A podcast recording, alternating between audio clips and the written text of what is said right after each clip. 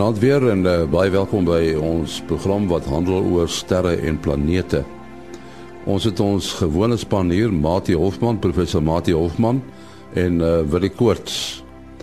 Ons gaan 'n uh, bietjie luister na son weer, maar voor dit eers ruimte nuus wat geskryf is deur Herman Torin in Bloemfontein.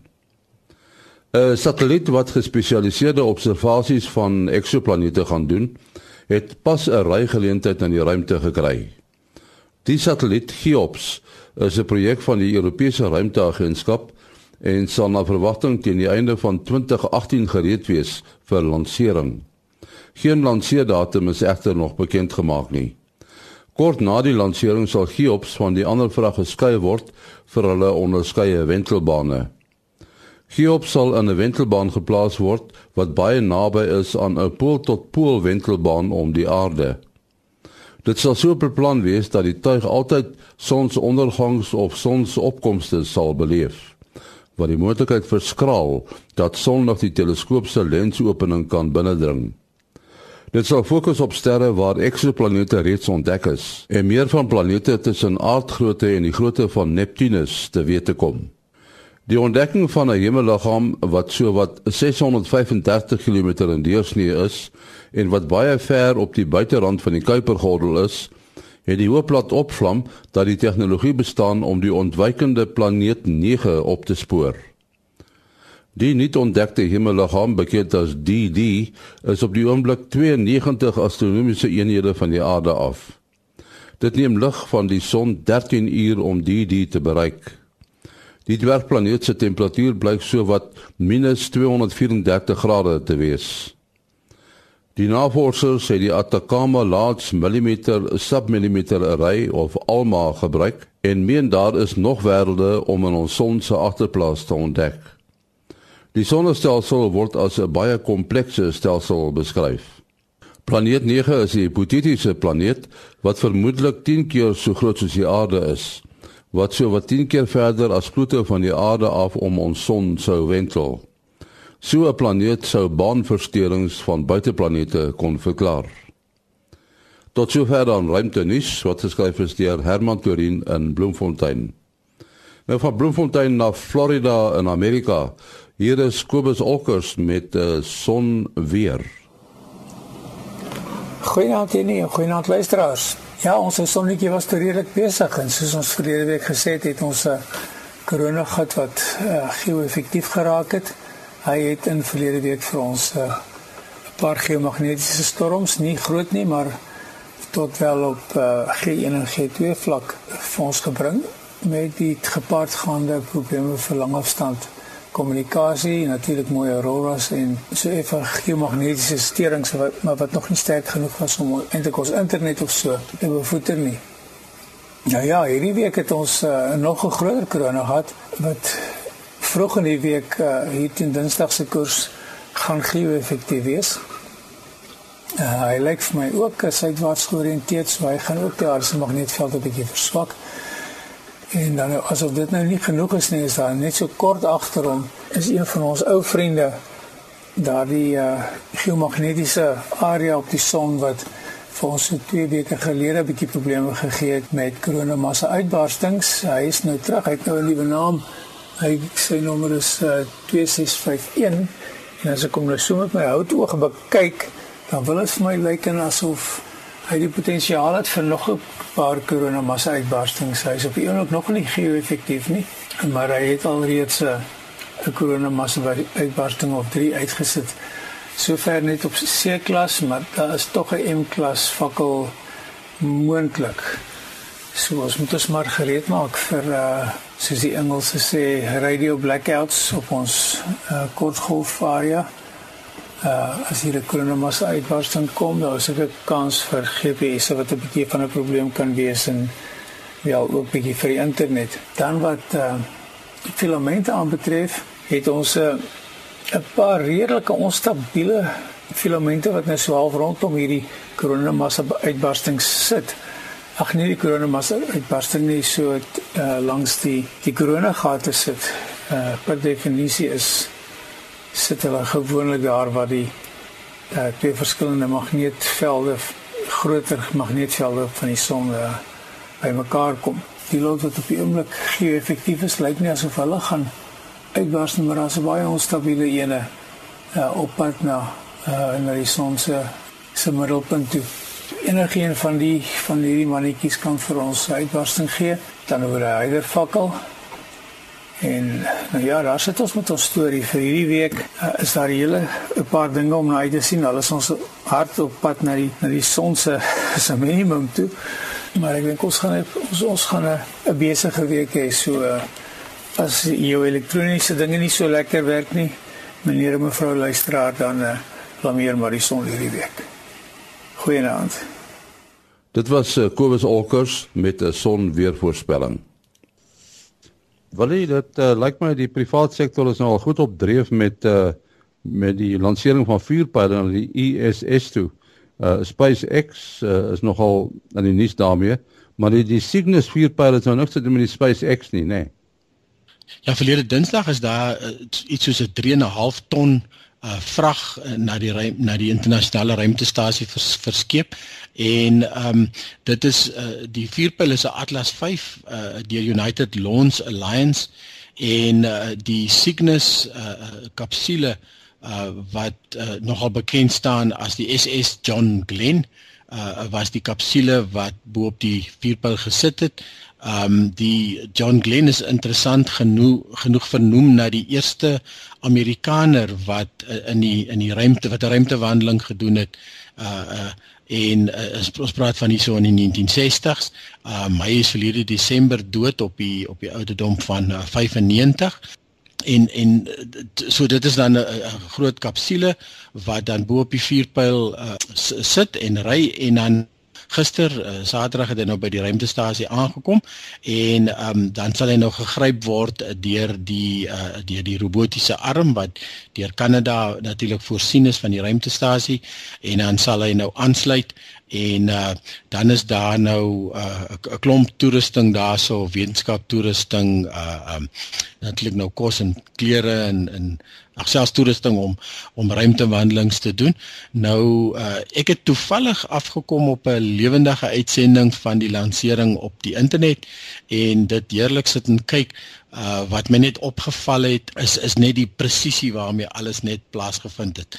En en en agterna het hulle ook gesê hulle het letterlik sekondes en millisekondes binne uh, die tyd wat hulle nou bereken het uh, so lank gaan hierdie vuurpyle vuur en dan gaan daai vuurpyle oor vat en dan gaan die twee uitmekaar uit beweeg ensovoorts. So dit is net ongelooflik hoe akkuraat hulle deesdae hierdie goeters doen as jy nou dink in die jare 50s en en 60s toe uh, uh hier in Suid-Afrika natuurlik 'n belangrike rol gespeel het om um die eerste vuurpyle wat oorgekom het uit Amerika. Ons is natuurlik die eerste landmassa wat dan oorgekom het en moes hulle die die tye en die uh, bane eers bepaal so hulle het so half mogge terug geskiet en dan agterna gekyk hoe hoe hoe min of meer in watse baan het hulle beland. So in hierdie geval moet jy nou gaan aansluit by die ruimtestasie so jy kan nie jy moet versigtig wees wat jy doen jy moet dit alles natuurlik presies reg doen. Ja en en dit is dan uh, gelanseer van die Kennedy uh, ruimtestasie uh, of Ruim Space Center in Florida en ehm um, wat nogal interessant was om te sien is kan mos tot op 'n sekere plek kom en uh, dan kan hulle dit daarvan af dophou. En uh, daar was 'n klomp mense op die strand gewees in in hulle in hulle swemklere en en so uh, uit die aard van die saak geweet van die lansering natuurlik en so dis net 'n ongelooflike manier om so 'n lansering dop te hou. Ja die die die vuurpyl self is is ehm um, soos ek sê Atlas 5 vuurpyl so dit is van jou van jou groot vuurpyle en uh, ek het nog altyd gesê dit's iets wat ek bitter graag in my lewe sal wil sien is is so 'n so lansering. Ek het al dikwels gewonder daar is nou hierdie vuurpyl uh met die kapsule gelanseer maar die plek waar hy van afgelanseer word is dit nog NASA of is dit dan hierdie spesiale maatskappy? Wat my opgeval het is is almal het het uh, het pakke aangetree, pakke klere. So ek neem aan dit moet dan natuurlik dan hulle eie grondstasie wees. Ja, die mense was ongelooflik uh, formeel aangetrek. Die die die klompie dames wat ook onder die onder die uh, span was, het het het regtig dit lyk asof hulle in 'n in 'n kantoor werk waar jy met die publiek werk. Dit was dit was nogal vir my opvallend. So ek is nie presies seker nie, maar dit dit lyk nie soos die normale uh uh Kennedy en en so uh, uh lanseerkamers wat ons nou al geken het uh, geleer ken het in die in die in die footage waar die waar die mense natuurlik baie me, meer informeel uh aangetrek is nie. Dit het, het my nogal opgeval. Uh, almal het natuurlik nou daar die, die die gewone aftel en um elke persoon wat verantwoordelik is vir 'n vir 'n sekere afdeling van die vuurpyl het die gewone go-go syne gegee totdat hulle besluit het goed dit is uh um dit is dit is veilig om te lanseer so daai tipe van veiligheid is natuurlik altyd daar. Dit is goed waarop jy nie kan nie kan uh kan spaar nie. Dan is ons nou altyd natuurlik gewoond aan aan uh die die vreugde en almal wat opspring wanneer die lansering plaasgevind het.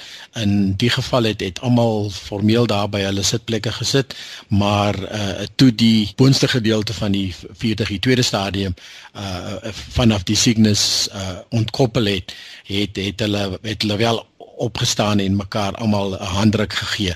So dit was nogal so 'n bietjie anders. So ek neem aan dit is nie dis nie NASA se normale span nie. Mati, ons moet 'n bietjie praat oor iets anders uh, en dit dit gaan oor uh, Gaia. Uh nee ja, Gaia is 'n uh, uh, sending wat in uh, 2013 gelanseer is en in Julie 2014 met sy wetenskaplike werk begin het. En mens sou amper kon sê dis 'n opvolg van die die Parko sending uh wat so ongeveer 2 dekades gelede 'n enorme stuk werk gedoen het om vanuit die ruimte die uh presiese posisie van uh uh duisende sterre akkuraat gemeet het en soos wat die uh satelliet dan nou saam met die aarde uh om die son kon beweeg kon uh die satelliet uh met sy teleskoop uh, dan nou die verandering in die posisie van die sterre in die voorgrond die nader sterre teenoor die sterre wat baie ver in die agtergrond akkuraat uh, bepaal en, en daardie wat mense noem dit die parallax dit is die mees direkte metode wat 'n mens kan gebruik om die uh, afstand na 'n ster te bepaal met die driehoeksmeting wat ons uh, laat op hoërskool van ge, uh, geleer het. Uh, nou mens kan die parallax metode vanaf die aarde gebruik, maar die effek van die atmosfeer beperk ons tot metings van sê nou maar uh, eh, 100 ligjare of dalk enkele 100 ligjare as jy nou oor 'n baie lang tyd baie akkurate metings doen. Die Hipparcos satelliet kon hulle tot uh, duisende ligjare meet en nou met die Gaia sending uh, is dit nou iets van 'n heel ander aard. Met die eerste data vrystelling vanaf die satelliet het hulle nou kon uh, baie akkurate posisies van baie meer sterre en baie dowwer sterre uh, bepaal. Hulle het reeds die akkurate posisies van meer as 'n biljoen, 1000 biljoen sterre bepaal. Daar's 'n oorvleeling van ongeveer 2 miljoen van daardie sterre wat ook deur die Hipparcos satelliet gemeet is. En oor die twee dekades het daar klein verskil ingetree in die posisies van die sterre weens hulle intensieke beweging relatief tot mekaar uh en ons Melkweg sterrestelsel. En daar's 'n fantastiese animasie, die mense sou kon gaan toets, kan kon gaan soek. Hulle kan op ons Facebook bladsy van Sterrenplanete ook kyk wat nou wys as hulle nou hierdie uh beweging van die sterre nie radiaal na ons toe weg van ons af nie maar loodreg daarop. In Engels verwys ons daarna as die proper motion. Die beweging loodreg op die sig 'n rigting. As jy nou daardie beweging kon meet oor 'n kwessie van 20 jaar, dan kan jy die die sywaartse spoed in terme van van uh hoekspoed of hoeksnelheid kan jy gaan meet en hulle het dit geanimeer uh 5 miljoen jaar in die toekoms in en dit word dan nou geanimeer om vir ons insig te gee oor hoe verander uh die die konfigurasie van ons Melkweg. Wel, hy gaan nog oor 5 miljoen jaar lyk soos hy nou lyk, maar die individuele sterre uh se posisies verander baie relatief tot mekaar. En So dit is 'n reuse werk en daar gaan nou nog die verdere data vrystellings kom. Uh so dis regtig iets wat 'n verwysingswerk vir dekades gaan wees in die sterrekunde. So dis regtig ongelooflike groot voorsprong. Ek dink nou 'n uh, vordering. Dink nou maar net daaraan om 2 miljoen sterre se beweging oor so 'n lang tydperk te kan gaan visualiseer. Uh dis nie net 'n klomp getalle nie. Dit is daar dit is toeganklik vir gewone mense want as jy kan sien hoe die goed beweeg, dan verstaan jy onmiddellik uh hoe die begin jy onmiddellik verstaan hoe die stelsel werk. Ja, kyk, 'n mens kan nou ook dink daaraan uh, hierdie hierdie tipe inligting is natuurlik wat ehm um, sterrekundiges wat nou na die groter stelsels kyk soos jy sê dit ongelooflik handig sal vind en ehm um, en dan natuurlik rekenaar simulasies begin doen soos die hierdie video waarvan jy gepraat het en uh superrekenaars word natuurlik ingespan en die data word daar ingevoer en jy kan allerlei voorspellings maak van uh van stelsels wat beweeg uh so dis 'n hele dinamiese stelsel skielik wat jy wat jy hier uh toegang tot het. Ja, soos jy gesê die parkes het ook 'n klomp uh, ekstra nulle amper ekstra desimale punte aan aan baie van die uh, afstande wat ons uh, tot op daai stadium aarde af bepaal het met uh, uh, oor baie jare het jy dan dan skielik sommer hierso in een slag uh, baie baie akkurate afstande. Uh, ek dink dat byvoorbeeld aan aan selfs in ons in ons eie sonnestelsel die afstande wat hulle na Venus toe byvoorbeeld gemeet het destyds met die oorgang van Venus om om om die die die die afstande in die binne binne in die sonnestelsel self ook te bepaal. Skielik kan jy kan jy net net ekstra desimale punte bysit by hierdie by hierdie stelsels. Wil dit nou ook weer verwys na die vooruitskouing om te kyk hoe gaan dit nou lyk oor 'n paar miljoen jaar, maar uh, mense kan ook terugwaarts projekteer en sê wel die sterre beweeg op die stadium op hierdie manier en daai spoed gaan nie vinnig verander uh, oor 'n kwessie van 'n paar miljoen jaar nie. So jy kan nou ook gaan sien maar waar kom hulle vandaan? Hoe die uh, Melkweg nou 'n klompie miljoene jare gelede gelyk en gekombineer met modelle kan dit 'n baie akkurater uh geskiedenis van die Melkweg uh, help rekonstrueer. Ja, jy jy die woord parallax gebruik, uh, Mati. Dit is maar eintlik die metode wat deesdae gebruik word om om die afstande van uh, sterre en planete te bepaal, as ek reg. Ja, maar dit werk net vir die uh vir, as jy van die aarde af werk vir die relatief naby sterre van enkele uh tiene of honderde ligjare, maar as jy nou met die uh uit die ruimte uitkyk uh, buite die aarde se atmosfeer dan kan jy nou tot by uh, duisende ligjare gaan en uh, wel lyk my nou met die Gaia ja nog uh, selfs 'n paar honderdduisend uh, ligjare. Net ek dink dit is belangrik dat die luisteraars nou sommer met 'n eenvoudige eksperimentjie verstaan hoe die metode werk. 'n Mens kan nou sommer daar waar jy sit met jou een oog toemaak en dan hou jou jou duim so op reguit armlengte reg voor 'n uh, portret teen die muur. Uh hou jou duim stil en dan ry jy jou twee oë uh, om. Uh met ander woorde maak jy een oog oop en maak jy ander een oog ander oog vinnig toe en wissel dit af. Dan sal jy sien hoe jou duim oënskynlik spring ten opsigte van die agtergrond voorwerp sonder dat jy hom regtig beweeg. Nou die die twee oë verteenwoordig twee verskillende plekke van waar af jy kyk en die uh beweging, oënskynlike beweging van die duim uh verteenwoordig die parallax. En hoe nader jy jou duim aan jou oog hou, hoe meer gaan hy. So dis basies wat jy moet doen. Jy moet kyk uh as jy jou uh posisie van waar af jy kyk of meet verander, hoe, hoeveel vers, verskuif 'n voorwerp wat nader is teenoor een wat baie ver in die agtergrond is.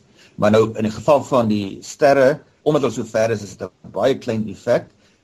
Uh so om die afstand te bepaal is baie moeilik. So jy moet daardie springbeweging uh of die parallax baie baie akkuraat meet en dan om nou 'n verandering daarvan te meet. Uh is nog soveel moeiliker. So uh jy moet nou dit vereis nog soveel te meer baie akkurate metings. Uh, net om 'n idee te uh, te uh, kry van hoe die eerste keer tot die gevolgtrekking gekom uh is dat die uh sterre beweeg. Uh dit was bewyse van vergelyking is 'n waarnemings wat uh, Edmund Halley gedoen het en hy het dit vergelyk. Sy ster katalogus of ster atlas wat hy gemaak het met Hipparchus die uh ou Griek van omtrent 2000 jaar van tevore. En oor daai tydperk van 2000 jaar met baie akkurate metings kon hy sien die posisie van uh die nader sterre het aan uh, merkbaar verander, maar dan nou merkbaar danksy sy akkurate uh, waarnemings. Uh, ek wil wil net so 'n bietjie praat oor uh, die meting van die helderheid van sterre. Uh dit uh werk hom ons nou snaaks is iets uh, helder is dan werk jy op 'n minusskaal. Hoekom is dit? Dit klink altyd so verkeerd om skaal. Ehm um, mense wat nou al gehoor het ons praat van iridium fakkels, hierdie baie helder uh flitsse wat sekere satelliete vir ons gee wanneer daar uh die son weerkaats word. Uh of selfs Venus, Venus is minus 4 magnitude. Hierdie iridium fakkels kan tot minus 8 magnitude raak. Die volmaan is byvoorbeeld minus 12 en die en die en die son is is is iets soos minus 22. Uh nou dit, dit klink mos nou verkeerd om sal en dan as jy nou na, na die positiewe kant toe gaan, dan van 'n baie lekker donker plek af kan 'n mens nou sterre waarneem van uh, tot op trend magnitude 6 en uh so dit, dit klink so half 'n verkeerd omskaal nou dit is dink die historiese storie daar agter is dat in die begin het die mense basies die helderste sterre as die belangrikstes beskou. So hulle was magnitude 1 en uh, dan die wat 'n bietjie flouer is is magnitude 2 en 3 4 tot by 6 wat jy nou met die blote oog kan sien van 'n donker plek af. En ehm um, toe die ding nou die stelsel nou op 'n stadium aan 'n wiskundige formule gekoppel is, kan jy maar sê, het hulle nou heel geformaliseer en en so vandag nog sit ons met hierdie stelsel wat eintlik lyk of dit of dit verkeerd om is. Nou, interessant is die einste Hipparchus waarna ek nou nou verwys het en waarna die Hipparchus satelliet wat met die parallaksmetings gehelp het uh vernoem is wat met daardie helderheidskaal gekom het um uh, meer as 2000 jaar gelede met die helderste sterre in klas 1 en dan klas 2 maar hy was natuurlik in die noordelike halfrond so ek nou nie uh rekening gehou met die helderste sterre wat ons in die suidelike halfrond sien nie so Sirius um en dan uh Canopus en daardie sterre omdat hulle nou helderder was as die helderste sterre wat hulle geken het, het hulle toe nou opgeëindig met negatiewe helderhede. Hulle het nou tot so by helderheid 0 gekom om begin en om nou idee te kry van hoe lyk 'n helderheid 0 ster. Uh kan die luisteraars vroeg aand, maar dan moet hulle baie vroeg gaan kyk in die noordwestelike rigting. Dan is daar so 'n uh, helder rooi ster um in 'n die Hyades, die vormige groepie sterretjies, die veel lê op sy sy wat die rooi oog van Taurus die bil verteenwoordig en dis 'n helderheid 0 ster. En Sirius wat vroeg aand amper reg bo ons koppe sit in Suid-Afrika is minus omtrent 1.5 as ek uh, reg onthou. Matie, ek wil net weet uh ek het gehoor dat uh ouens 'n mynlamp se uh, ligwaarde gebruik het op 'n kilometer afstand ook om magnitude te bepaal. Wie van die storie? Nee, nee. Nee, ek ken nie daai storie nie.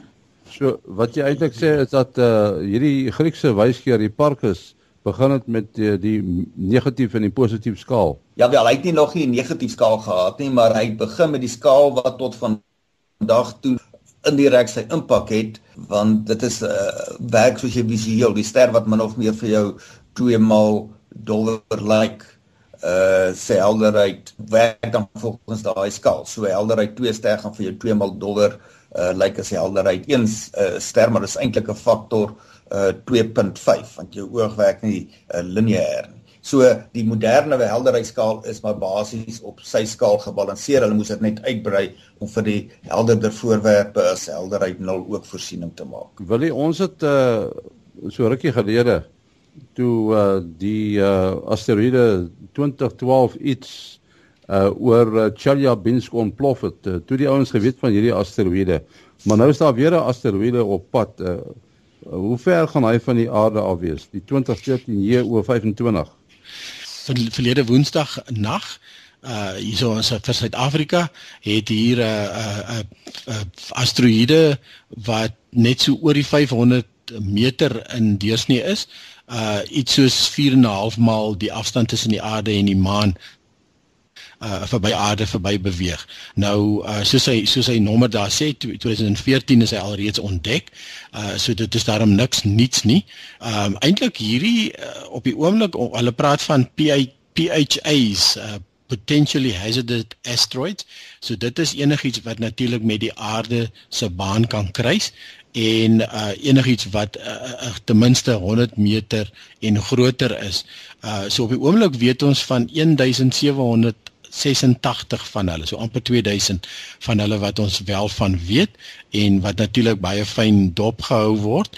Uh so gelukkig hoef mense uh nie bekommerd te wees nie van hierdie 2000 waarvan ons weet is nie een gaan in die aarde inbots oor die volgende 100 jaar nie.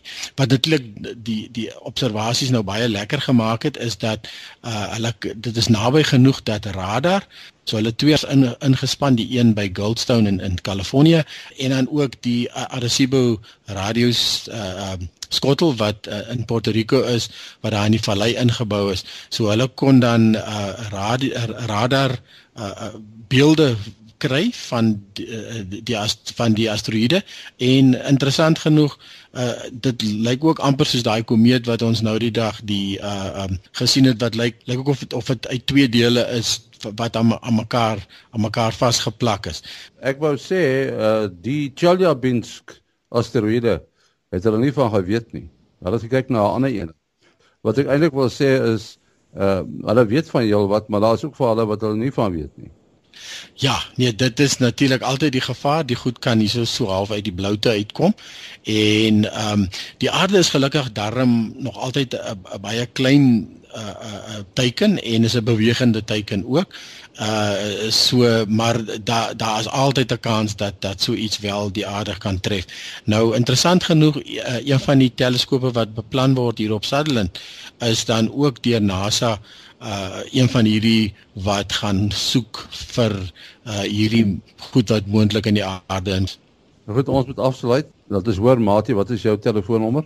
Uh selfoonnommer 083 625 7154. 083 625 7154.